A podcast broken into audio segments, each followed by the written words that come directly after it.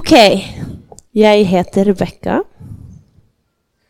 Jag är 36, faktiskt. Ja. Men eh, ja. Det är lite rart att säga det. Begynner å være i barnevernstjenesten. Eh, meg och min kollega som är lika gammal, vi tullat med att eh, vi blir lite uppmuntrade när någon eh, klienter eh, sier til oss dere unge jenter i barnevernstjenesten, dere vet vel ikke noe? Da føler vi att vi blir litt sånn ah, Syns du att jag ser så ung ut? Ah. Ja. Det var bara en digresjon. Så jag jobbar i barnevernstjenesten, och så är jag en av ledarna i Jesusfellesskapet och är med och leder bønnehuset som vi har. Ja. Har tre barn och en man och ingen husdyr. Hvis jag får bestämma, aldrig. Eh. I dag vi snacka om fällskap. Eh, Och jag tänkte på I Tibet så tänkte jag på denne bilden av en baby som kommer till världen. En baby som kommer till världen vill faktiskt fysiskt dö hvis ikke barnet får kontakt med et menneske. Så det å ha øyekontakt, å snakke med noen, ha dialog Et barn har faktisk veldig mye kommunikasjon med sine omsorgspersoner. Det er ikke bare noe som er kjekt, men det er faktisk livsnødvendig for en baby. Eh, så ett barn som bara får mat och värme och sina fysiska behov, men inte får någon kontakt, eh, vill mest sannsynlig inte överleva.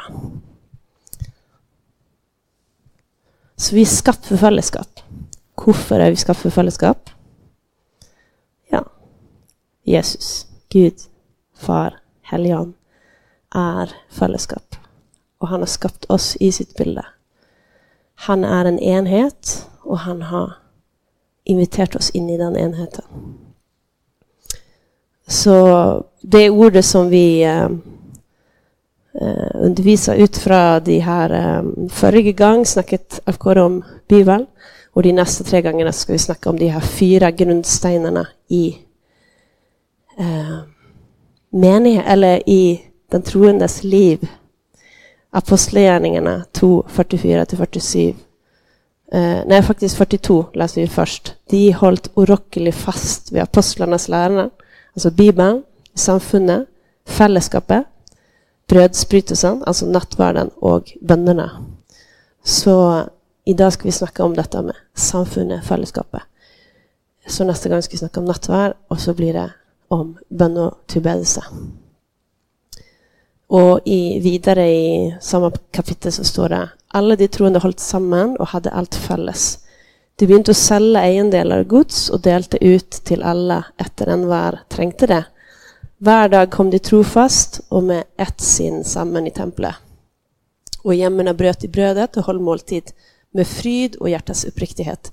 De lovat Gud och var vel sett av hela folket. Och Herren la hver dag den som blev frälst till menigheten. Så när människorna när de blir frälst så blir det lagt till menigheten. det blir lagt till fällskap. Så den dagen som vi tar emot Jesus, det som vi har om tidigare, Vi tror, vi omvänder oss, vi blir döpt i vann, och vi får Den helige som gave, så blir vi fött in i en familj. Eh, han är vår pappa, och han har många barn.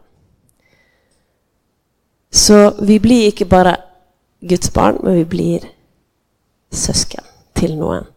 Og nå i Tibet så ble jeg så veldig berørt fordi jeg tenkte på noe. Eh, akkurat i dagene så holder vi på å jobbe med et potensielt fosterhjem for et barn som har veldig mye behov. Eh, og det at eh, en familie ønsker å åpne sitt hjem for et barn som trenger veldig mye, og vi må snakke veldig mye med dem, vi må forberede dem hva de faktisk sier ja til. Hva det vil koste dem, ikke bare tid og energi, men hva de, vil, hva de sier ja til, ikke bare for en liten periode, men kanskje resten av livet. Kanskje. Potensielt. Um, ehm, og så er det noen fantastiske mennesker som ikke engang kjenner Jesus. Som er villig til å betale en pris. Som er kanskje å gå vekk fra en arbeidsplass som er veldig attraktiv, og har liksom, status, høy lønn og alt det der. Ehm, som er villig til å gå vekk fra ting som de, man bare kan ta for gitt når man er en helt vanlig familie, og eh, ha egna barn som har haft det gott från start. Eh, och så så det de faktiskt villige till att värdera och ta in ett barn som kanske vill kosta dig uppmärksamhet, tid, energi 24-7. Och så blev jag bara så beväget av pappa Gud. Han er så mye mer foreldre, så mye mer en god far enn hvilken som helst fostermor og fosterfar som er villig til å legge ned sitt liv basically, for å ta inn et barn, for å hjelpe dem. Og han har gjort det med oss. Han har gjort det med deg.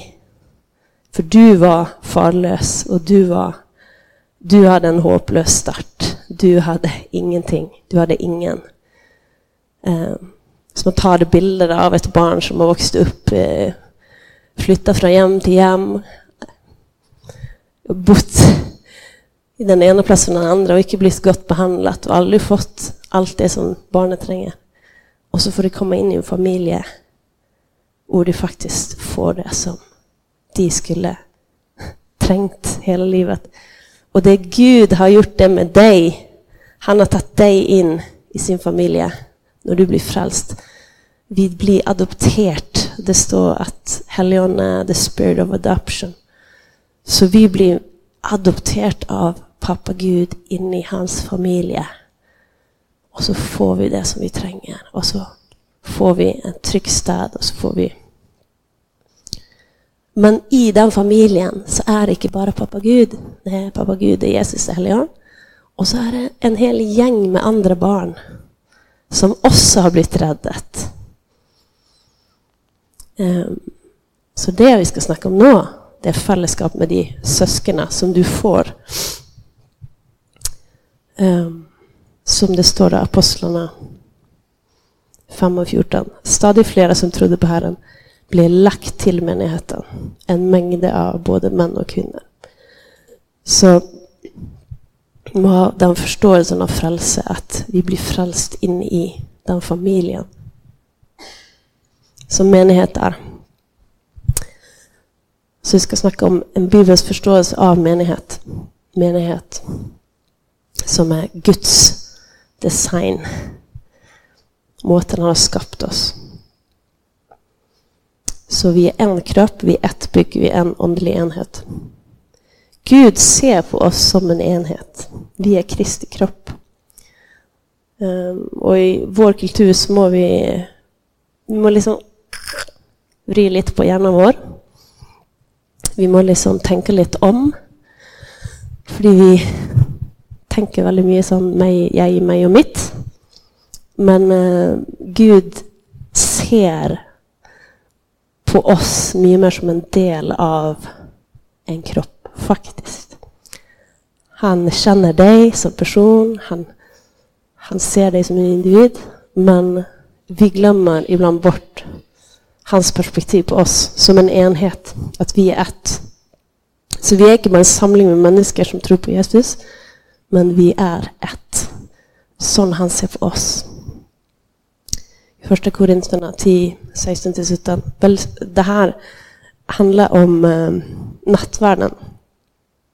Men det snackar lite om den här enheten som vi är i, den pakten vi är i när vi har fällskap som menighet. bägare som vi välsignar är icke samfund med Kristi blod. Brödet som bryter, är icke det samfund med Kristi läge med. Så när vi tillhör Jesus så har vi del av Kristi legeme. Och när vi bryter brödet så är det ett, både ett bild och en profetisk handling att vi har samfund med Jesus. Han är i oss, vi är i han. Men det som står här. För det är ett bröd så är vi ett legeme, ändå vi är många. För vi har alla del i det ena brödet. Så först snackar han om enheten med Jesus. Så när vi är frälsta har vi enhet med Jesus. Vi är i Jesus. Vi är i han. Han är i oss. Men vi är också förenade som kropp, som menighet. Så när vi bryter bröd och när vi har nattvard samman, som vi ska snacka om nästa gång, så är det faktiskt en paktshandling. Vad är det för något? Eh, för att vi visar att vi tillhör, vi har pakt med Gud. Vi är i pakt med Gud och vi är i pakt med varandra. Så vi är en enhet. Um, ehm, och jag vill se någon pakt för det jag tror att det är lite sån måte vi ska tänka om fällskap som jag tror är lite mer som Guds rike måte att tänka om fällskap.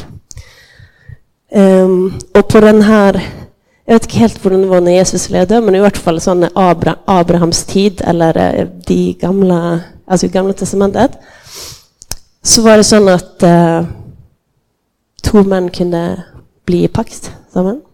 Om man ser för sig då två män som var rika, eh, som var familjefar. De hade en eller flera koner. Det var många som hade flera koner. Så hade de många barn och så hade de kanske massa sauer och massa kyr og tjänare och slavar och folk som tillhörde sitt hus.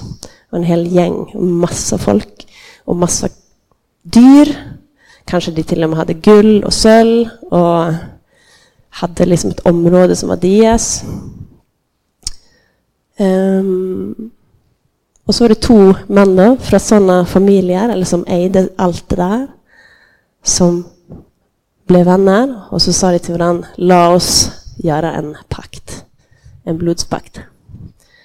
Eh, och det vill säga då att eh, hvis du blir rammat av sjukdom bland alla dina kyr, så att 15 av dem dör, så kom till mig då, så ska jag så ska jag hjälpa dig. Då ska du få någon av mina kyr eller så kan du få någon av mina kalvar. Och så. Där, där. Och om du då blir eh, angreppet av en fiende som kommer mot dig, så bara rop på mig så ska jag och mina män komma och slåss för dig. Så om någon går emot dig så går ni emot mig. Och om någon eh, attackerar dig så ska vi vara med och försvara. Och om du mister något eller om du tränger något så ska jag ställa upp för dig. Och detta går bägge vägar. Och så gjorde man sådana, så blev man eniga om att okej, okay, så hade man sådana avtal då. Och så gjorde man något med blod. Man offrade ett dyr. Och så la man dyret i två delar. Och så gick man genom, bägge två gick genom dyret. Eh, och så sa man då med det att viss jag bryter den här pakten så har du rätt att dräpa mig. Jag ska aldrig bryta den här pakten så länge jag lever. Så om du blir attackerad och jag inte kommer och hjälper dig så har du rätt att dräpa mig. Och om du tränger något eller tränger hjälp så, och jag inte ställer upp för dig så kan du dräpa mig. Um, och det var blodspakt. Och det var en sån pakt som Gud ingick med Abraham som vi kan läsa om i den första Mosebok. Um, han gjorde en sån blodspakt med, med Abraham, men i den så var det kun Gud som gick inom köttstyckena. För Abraham låg och sov. Så det som Gud sa till Abraham var ju basically att hvis en av oss bryter den här pakten så ska jag bli dräpt. Sant? Och så Abraham bröt pakten. Vi alla har brutit pakten med Gud för vi har syndat. Men Jesus tog det straffet. Så det är blodspakten vi har med Gud, sant? Men i, i det att vi är menighet och att vi, eh, när vi blir frälst, så ingår ju den typen av enhet med varandra. Och det som, Paul, eller som eh, ja, Paulus skriver om här eh, med nattvarden. Eh, och det är lite, eh, ja. Jag liker också jag liker Gudfadern-filmerna, om ni har sett de. Det handlar om mafia. Men de har lite sån type tenkning, da. Liksom, om du går emot min, min familie, så ska jag komma mot din familj. Sånn. Um, ehm, det här familjebånden som är liksom att om du dräper en av mina så ska jag dräpa en av dina och det här. Eh, men det handlar om att vi är ett, vi har en pakt och vi står samman. Och vi hjälper varandra. Så vi kan också läsa i eh, Första Korintierna 12. 12 eh, till 14. För likaså som lägem har ett, är ett och har många lemmar, men alla lägemets lemmar är ett lägeme. Ändå det många, slikade oss som är Kristus. För med en ond så blev vi alla döpt till att vara ett lägeme. Inte vi göder eller grekare, trällar eller fria. Vi har alla fått en ond att dricka. Lägeme är ju heller icke ett lem, men många. Och så står det vidare i vers 26. Om ett lem lider, då lider alla lemmarna. Om ett lem blir hedrat, så gläder sig alla lemmarna. Det är Kristi lägeme. Var för sig är hans lemmar. Och i Efeserna 2.20. Vi är byggd upp på apostlarnas och profeternas grundval. Hjörnestaden är Jesus Kristus själv. I han blir hela byggningen föjd samman och vuxit till en helig tempel i Herren. I han blir också dere, samman med de andra, byggd upp till Guds bolig anden. Så menighet är en enhet, vi är en kropp, vi är ett bygg. Vi är, ja, vi hör samman.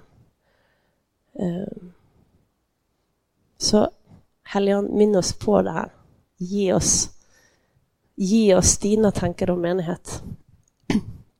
Jag har lust att ehm, gå in lite här med Jesu undervisning om menighet versus familj.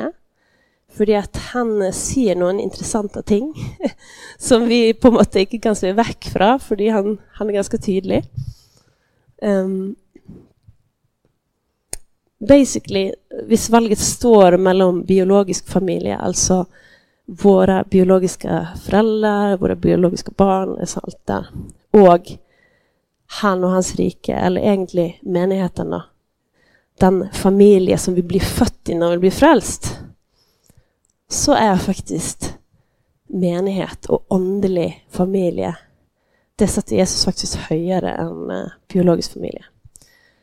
Um, ehm, bland annat så i Lukas 14.25 så, så säger Jesus uh, det här handlar om övergivelse, om att ge sitt liv till honom. Om någon kommer till mig och inte hatar sin far och sin mor och kona och sina barn och bröder och systrar, ja, också sitt eget liv, så kan han inte vara min discipel. Eh, det handlar ju om att Jesus, allt för dig. Du är den jag väljer först. Sant? Um, men också i Markus eh, uh, 3 och 31 så, um, så kommer Jesu biologiska, alltså hans mamma Maria och hans bröder och de står utanför och så sänder de bud in till honom för att han ska komma ut. Och folk satt runt omkring honom och sa till honom, ser din mor och dina bröder utanför och spör efter dig. Han svarade dem och sa, vem är min mor och mina bröder? Så såg han på dem som satt omkring honom och sa, se, här är min mor, här är mina bröder. Den som gör Guds vilja, han är min bror, min syster och min mor. Um, så det är på något sätt för att få tag i det här, vad är menighet egentligen? Eller hur ser Gud på menighet?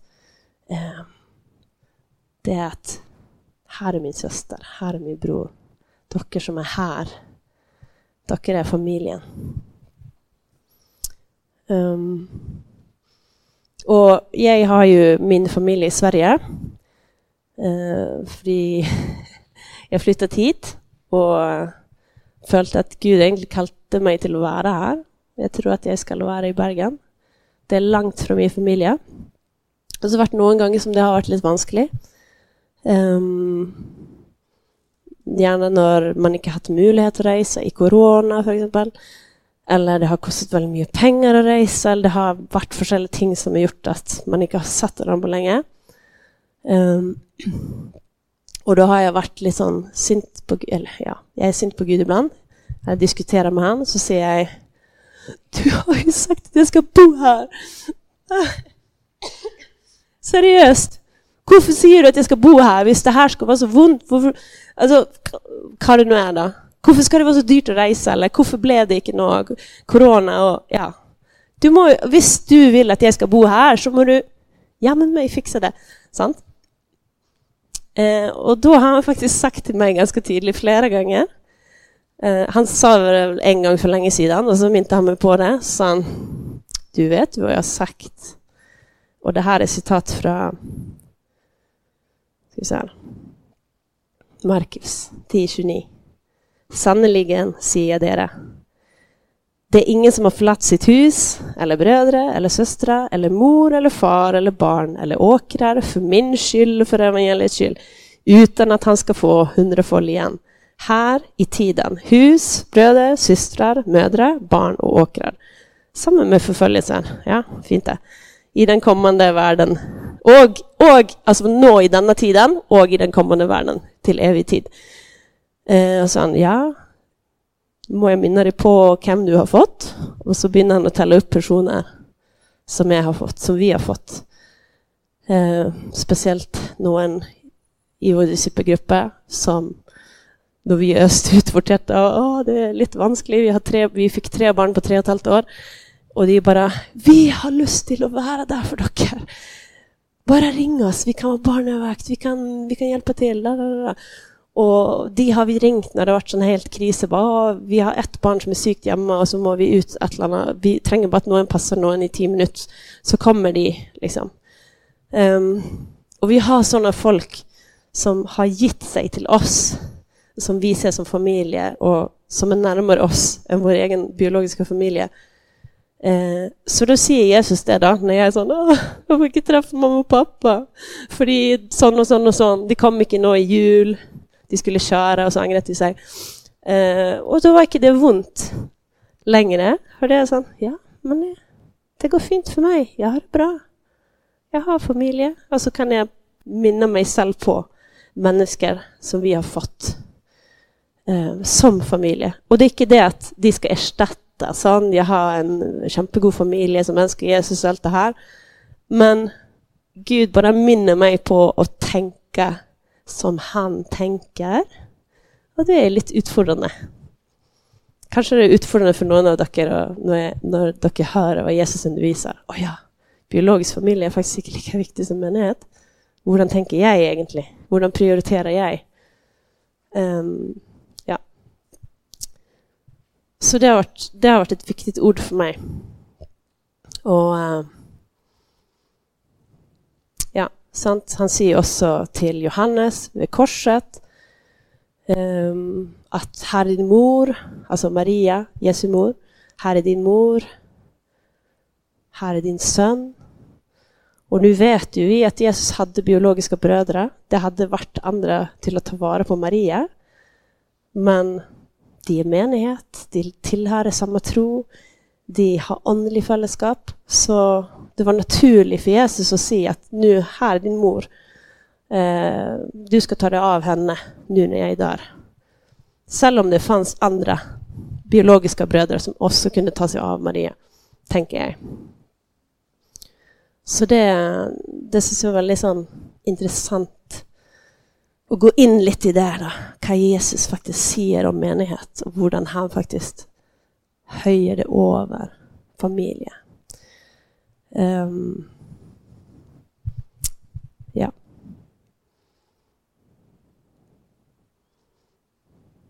Jag tänkte också på det här. uh, jag ska si det lite senare. Men, men, det är att familj är på något sätt det att vi ställer upp varandra. Vi ställer alltid upp varandra.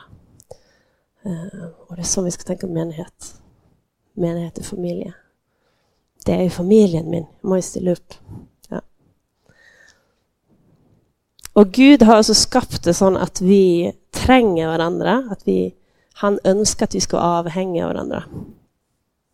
Så fällskap är liksom inte sån, Ja, det är en sån ting på Eller på något sätt, det är en av alla ting som är viktig. Men det är faktiskt väldigt viktigt för Gud. Han har liksom designat oss till att tränga fällskap och han har bestämt att hans rike ska spridas genom menigheten. Inte genom en person, men genom menigheten. Så det är väldigt centralt för Gud, måten han har skapat oss. och han önskar att ha fellesskap med oss. Han har ordnat det så att vi ska avhänga varandra. Han vill inte att någon av oss ska klara sig alena. Så samman ska vi få uppenbaring om vem Gud är. Som det står i Feserna 3 og 18. Må dere sammen med de heliga, bli i stand til å bredden, längden, höjden, dybden och känna Kristi kärlek som overgår kunskap. Um, jag såg ett bild en gång av uh, många ansikt, liksom, eller många personer, som ett hav av personer i olika färger och former. och så blev det som ett mosaik hvor man kunne se liksom, Jesus, eller Guds ansikt. Og så sa Gud Du vet at du ikke kan se hvem jeg er uten de andre. Altså alle dere her, liksom, sammen. Står ved siden av hverandre. For vi er skapt i Guds bilde. sant? Når vi står ved siden av hverandre, så blir det et bilde av hvem Gud er. Um, han vil at det skal være sånn. Han har, han har lagd det sånn. Sammen i tjeneste. Det er jo veldig mye om det, da. De åndelige nådegavene. Første Korinterne 14 og 26. Hvordan er det da, brødre, når dere kommer sammen? Da har hvert enkelt av dere en salme, en lære, en åpenbaring, en tunge en tydning. La alt skje til oppbyggelse. Um, og han snakker også om det her med tjeneste sammen um, i första, ja, samma bok, kapitel 3 och 8. Den som plantar och den som vannar är ett. Men envar ska få sin egen lön för sitt eget arbete, för vi är Guds medarbetare. Det är Guds åkerland, Guds byggning. Efter den nåde som är gitt mig har jag lagt grunnvoll, som är vist en annan har byggt vidare på det. Så Gud har designat det så, Han har lagt det så att det är inte du som ska göra he hela uppdraget. liksom. Det är inte en person som liksom har svaret och kan rädda världen. men det är oss som... Så det är viktigt. Eh, husk att du är kallt samman med andra. Det är något som Gud har måttet lära mig på. Att eh, mitt kall och det han har sagt till mig att jag ska göra, liksom, det här ska du göra i ditt liv, det är avhängigt av alla de personerna runt mig som han också har kallat. Jeg bara, Det som han har kallat mig till är en pusselbit. Men eh, han har också kallat andra personer, Och så lagas det ett stort bilde. Så inte glöm det. Att du är kallt som person, men du är också kallt in i ett fällskap där personer runt dig också är kallt. Kanske inte akkurat det samma ting, men det att Josefine säger ja till sitt kall, och att hon gör det som hon är kallad till, det sätter mig till stånd till att leva ut det som jag är kallad till. Så vi, vi är kallt samman i tjänsten. Mm. Och nu ska vi snacka om vilken kultur vi ska ha i den här familjen som vi är. Det står väldigt mycket om det. Väldigt mycket undervisning. Så jag måste lägga in sådana här eh, detta och detta. og dette. Men äh, det finns säkert väldigt mycket mer. Men äh, det är grejt att börja med Johannes. Johannes brev. Det är massor bra där. Mina kära, det här är första då, kärlighet. Låt oss älska varandra. För kärleken är av Gud och världen som älskar är fött av Gud och känner Gud. Den som icke älskar känner icke Gud, för Gud är kärlek. Och vers 19. Vi älskar för han älskat oss först. Dersom någon säger jag älskar Gud', men allikevel hatar sin bror, så är han en lögnare. Den som icke älskar sin bror, som han har sett, hur kan han älska Gud, som han icke har sett? Och detta budet har vi för han, att den som älskar Gud, skall älska sin bror. Romarna 12 och 10. Var varmhjärtat mot varandra i broderskärlighet. Kappas om och hedra varandra. Det, den sättningen prövar jag lära mina barn. kan inte vi konkurrera om vem som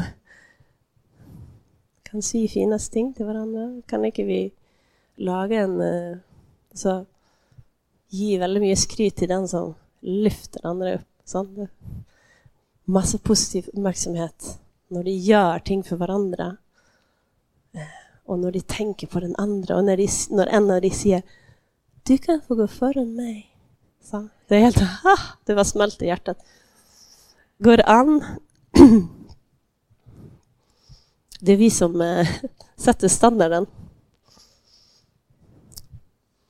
Så kärlighet. Men vad är kärlek då? Det ordet skulle jag haft med, men Jesus har ju definierat kärlek. Och det är ju den som ger sitt liv för sina syskon. Så det är ju definitionen av kärlek. Så, då vet du det. Det är så vi ska älska varandra. Mm. Det är lättare sagt än gjort. Men, men kjærlighet är ikke en det är ett val. Och det att ge av sitt liv, det är att ge tid, husrum, energi, vänskap, uppmärksamhet. Alltså, alla ting vi har, kan vi ge. Det är kärlek att ge. Och så enhet. Och då må vi läsa, då må vi läsa citat av Jesus. Hans uh, standard på vilken typ av enhet vi ska ha i menigheten. Jag ber inte bara för dessa men också för dem som via deras ord, alltså vi, alla vi, kommer till tro på mig. Att de alla ska vara ett. De ska vara ett. Helt akkurat på samma måte som du, pappa, är i mig och jag är i dig. Att också de ska vara ett i oss, för att världen ska tro att du har utsänt mig. Må läsa det en gång till, för det är ganska mäktigt. Jag ber om att vi alla ska vara ett, lika som, akkurat på samma måte, som jag, Jesus, som du, pappa Gud, är i mig, Jesus, och jag, Jesus, är i dig, pappa Gud, så ber jag om att de ska vara ett i oss. För att världen ska tro att du har sänt mig. Och den härlighet som du har gett mig har jag gett till dem. För att de ska vara ett, lika som på samma måte som vi är ett. Jag i dem och du i mig. För att det fullkomment ska vara gjort. De ska vara fullkomment gjort till ett, för att världen kan känna att du har utsatt mig och älskat dem liksom du har älskat mig. Det är hans bön, Det är det han vill. Jesus vill att vi ska vara ett med varandra på samma måte som han är ett med Gud. Jag syns Ja. jag blir Ja. Jesus, Jesu undervisning är bara extrem, Alltid. Sån är han. Eh, vidare står det i Efeserna 4 och 4. Det är ett läge med en on, lika som dere och ble kalt med ett håp i deres kall. Det er én Herre, én tro, ett dåp, én Gud, alles Far. Han som är över alla, genom alla, i alla. Och Filemon... Uh, eh, Filemon, tror jag. Ja. Gör min glädje fullkommen, så dere har det samma sinn och den samma kärlighet. Med en själ som har det ena sinn. Vad betyder det? Betyr det att vi alla ska tänka likt och alltid vara eniga om allt? Det tror jag inte. Men att vi ska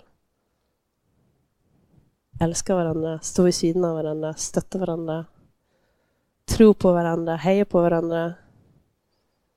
Eh, och kunna se att eh, vi kan vara eniga om att vi inte är eniga. Men jag, ska, jag älskar dig lika väl, även om jag inte är enig om allt du menar. Även om jag tänker helt annorlunda än dig, även om jag inte skönner hur du tänker, så, så, så står jag vid din sida. Och så ska vi hjälpa och stötta varandra.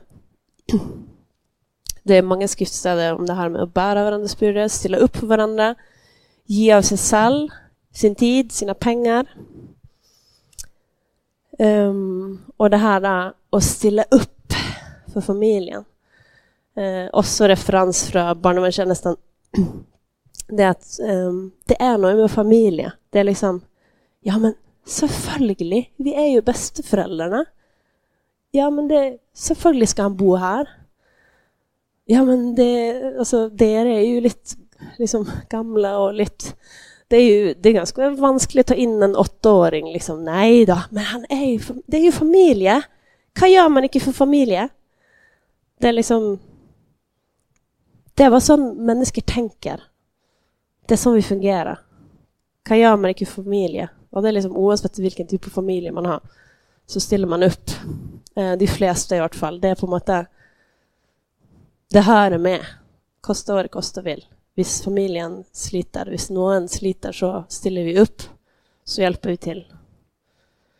Um, och det är sån, den kulturen som, som eh, Bibeln beskriver ska vara bland oss.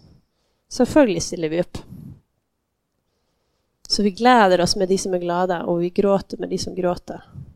Vi bär varandras byrder och uppfyller på den måten Kristi lov. Vi är gästfria med, mot varandra utan knurr. Jag måste spara Jörgen vad knurr betyder. är det sån... Ah. Mm. Okej okay då. Okej okay då, du kan få bo på min soffa.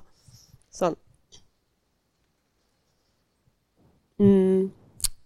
Men jag har lust att säga något om det här med att hjälpa och stötta. För att jag tror egentligen att många i kristna kretsar är ganska flink på det och man har på något en kultur av det Det är också en grund till att många fosterfamiljer är kristna, en ganska hög procent, för man har en sån man, man har en förståelse av det, gästfrihet och ge och liksom vara generös med sina pengar, med sitt hem, invitera folk hem.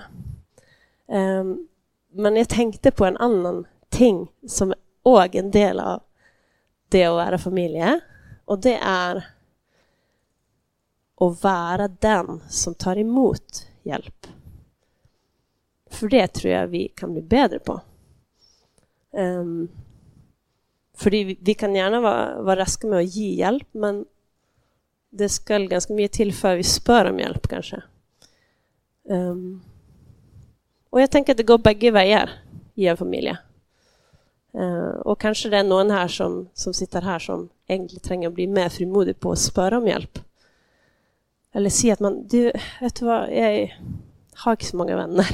Kan jag få bli med på ett eller annat? Eller jag har hört att dere skulle på hyttetur, kan jag bli med? Nej men alltså, lite sånt. Eller kanske jag kan komma på middag en dag. Hade varit käckt och få lite mer, jag har inte så mycket familj i Bergen, kanske jag kunne kommet og vært litt med dere. Eller eh, ja, altså be om hjelp. Vi har gjort det. Jeg er, altså akkurat den tingen med å be om hjelp er jeg ganske god på. Jeg vet ikke helt hvorfor. Kanskje fordi jeg er lillesøster. minsting. Men eh, jag syns at det skal gå begge veier. Tilby hjelp, men òg vær frimodig når du trenger noe. Eh, tänk, ja, men er det noe som kan hjelpe meg? Altså, jeg skal flytte, eller ja, ehm, um, vara sårbar och vara ydmyk nog till att se att man tränger. Som går lite in i nästa punkt, med sårbarhet och öppenhet. Så i menighetsfamiljen så delar vi liv. The good, the bad and the ugly. Och det är väldigt mycket undervisning om ha en kultur av att bekänna synd och tillge synd. Så leva i öppenhet med varandra, bekänna synd. För det är ju synder. Det gör vi allesammans. Och leva öppen och ärlig. Bekänn därför deras synder för varandra, be för varandra. För att det ska bli helbredat. Tål varandra, tillge varandra. Det som en skulle ha noe å anklage en annan för. Jag kom på att när, når någon lyssnar på podcasten så hör inte de hvor jag läser fra. så må jeg faktiskt si bibelårsene. Alltså Jakob 5 och 16. Eller, och Kolosserna 3 och 13. Lika som Kristus har tilgitt er skall dere tillge varandra. Eh. Og um, Eh, man kan slita med sin, det, det är forskel på att slita med synd och leva i synd. Det är två olika ting. Slita med synd, det kan vi göra. Det kan vi alla göra. Och med slita med synd så menar jag att det är något som du faller i om och om igen. Och du har vanskligt för att bli fri. Och leva i synd, det är att falla i något om och om igen. Men ingen vet om det. Det är att leva i synd. Det är att leva i mörker. Och det är faktiskt väldigt farligt.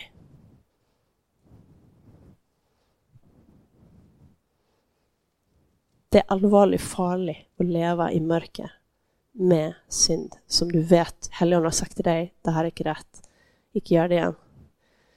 Om du vill bli fri från synd så måste du finna en person som tillhör Jesus som du kan snacka med. Du ser det som en skarp stämma. Du måste finna någon att bekänna din synd för. Om du sliter med synd och ingen vet om det, så måste du snacka med någon. Om du vill bli fri, om du inte vill bli hållt i det mörkret, så må du komma ut i lyset. Det är måten att bli fri från synd. Det är Guds ord, måte. Det som undervisas om. Um, det är viktigt. Mm. Uh, och så tänker jag att nu när jag ser det så visst det är något som du tränger det på så kommer Helion att visa det. Alltså sånt, visst det är något som sticker upp, oj ja, det här borde jag fortällt till någon. Sånt. Det är på det nivån. Det är inte sånt, oj jag var lite sträng med barnen liksom, eller som är min, min ting då. Eller, eh, ja. Det är helig anda, han är den som genom vår samvittighet fortäller oss att det här var inte grejt. Eh, så, så jag tror att vi vet själv när vi har fellesskap med Jesus så vet vi själv att här har ett område av synd där jag tränger att snacka med någon. Det är viktigt. Och så ska vi tillge varandra synd. Så när någon kommer och bekänner så, så ska vi ge tillgivelse. Mm. Och så vill jag nämna sist ehm, um, rättesättning och förmaning. Det hade jag inne nå, nettopp. För det står väldigt mycket om förmaning i Bibeln. Eh, men min upplevelse är i alla fall att det inte undervisar så mycket om det och vi kanske inte praktiserar det så mycket. Ehm, I alla fall i de menigheter jag har varit med i. Ehm, men det är väldigt mycket uppfordringar i Nya Testamentet till att praktisera det med förmaning och rättesättning. Så Galaterna 6 och 1 så står det brödre. Om också ett människa skulle bli överrumplad av en eller annan synd, då hjälp han till rätta. Det är det underliga, men i mycket om. Romarna 15 och 14. Mina bröder, för min del är jag överbevist om att deras cell är fulla av godhet, fyllt med kunskap och i stand till att förmana varandra. Hebreerna 10, 24-25. La oss ge akt på varandra så att vi uppglöder varandra till kärlek. Alltså uppglöder varandra. Eh, det är väl lite samma som när man satte fyr in i en lokomotiv för att få det till att gå. Alltså upp. Sån, ja. Så vi ska uppkläda varandra till kärlek och goda gärningar. Och la oss inte hålla oss borta från vår menighet slik någon har for. Så vi kommer samman när vi har samlingar. Men la oss förmana varandra. Så mycket mer som dere ser att dagen närmar sig. Ehm, jag tror att förmaning som oftast mest naturlig sker i täta relationer. Det vill säga att du tar emot förmaning från någon som står dig nära. Du ger förmaning till någon som står dig nära. Um, ehm, du ger förmaning till personer som du inte har en nära relation till så vill det mest sannolikt inte bli tatt emot på en god måte. Uh, och det är samma sak när du får förmaning. Jag är... Och jag älskar faktiskt förmaning. Jag syns det är med, med, en det har varit ledare då, eller åndelige föräldrar eller storesøsken eh, som kommer med litt sånn Ja, men du, nu reagerade du lite sån eller ja, vad det nu är. Så när det sker i en relation där man har tillit, så är det veldig godt. Ehm. Uh, du, du, vet den här personen ser det för de är glad i mig. Så det Også när du tänker att nu trenger jag förmana, så gör du det utav kärlek för personen. Alltså grunden till att du kommer och ser du, den här kjæresten som du har skaffat dig. Jag vet inte helt om det är så lurt. jag, jag, tror det där är lurt, men ja. Men eh, sant? Da sier ikke du det fordi du vill ødelegge och du har lyst att bara besserwissa. besserwisser eller sånn. Du säger det fordi du er oppriktig bekymret for denne personen. Din eh, syster, din bror. Och du ser att livet begynner å kjøre, fe kjøre feil vei. Eller uansett noe annet, da. Um. Ehm. Mm. Så, så det, må, det, må, skje ut av kjærlighet, og det, jeg tror også at det er viktig at det skjer i en relasjon hvor det er tillit. Og det er jo sånn at selv om vi er ett med alle sammen, alle vi her er ett, så har ikke vi samme type relasjon med alle som er her. Men vi alle trenger nære relasjoner i menighet. Vi trenger eh, Jeg tror at vi alle trenger åndelige foreldre som ledere som vi er tett på, og at vi trenger også folk som vi selv som vi sår inn i, og vi trenger vennskap, de som vi løper sammen med. Så hvis det er noen av de tre forskjellige kategoriene som, som du ikke har, tenker å, det, det skulle jeg ville ha. Eh, uh, enten en som har gått foran meg, en som løper sammen med meg, en venn, og en som jeg kan trekke med meg. En lillesøster eller lillebror. Uh, så be Gud om det. Eh, för jag, jag tror att för att ha det med, med sunda relationer i livet, så tror jag vi trenger de tre i menighet. Och det är också i de relationerna, de, de som vi följer upp. Och de som följer upp oss. Det är ofta där det här med förmaning sker.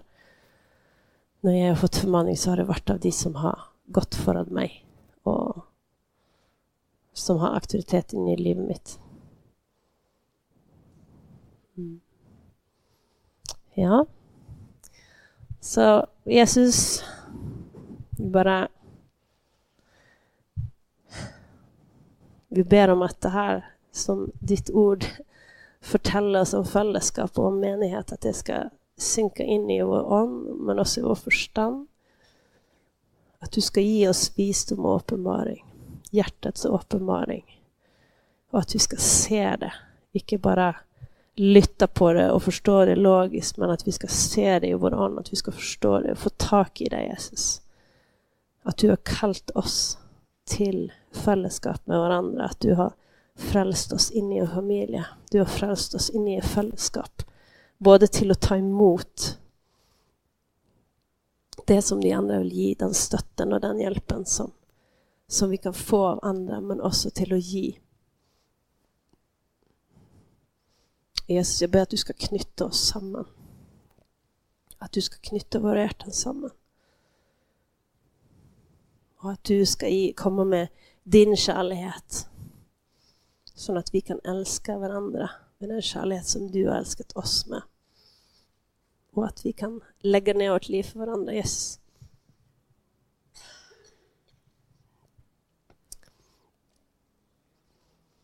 Vi önskar att leva med enhet på den måten som du undervisar genom apostlarna. Vi önskar leva på den måten, vi önskar tänka på den måten. Vi önskar att tänka som du, som du gör att det här är min syster, det här är min bror.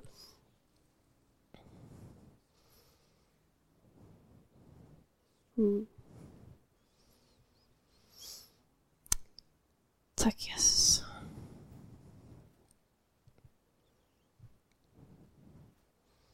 Tack Jesus.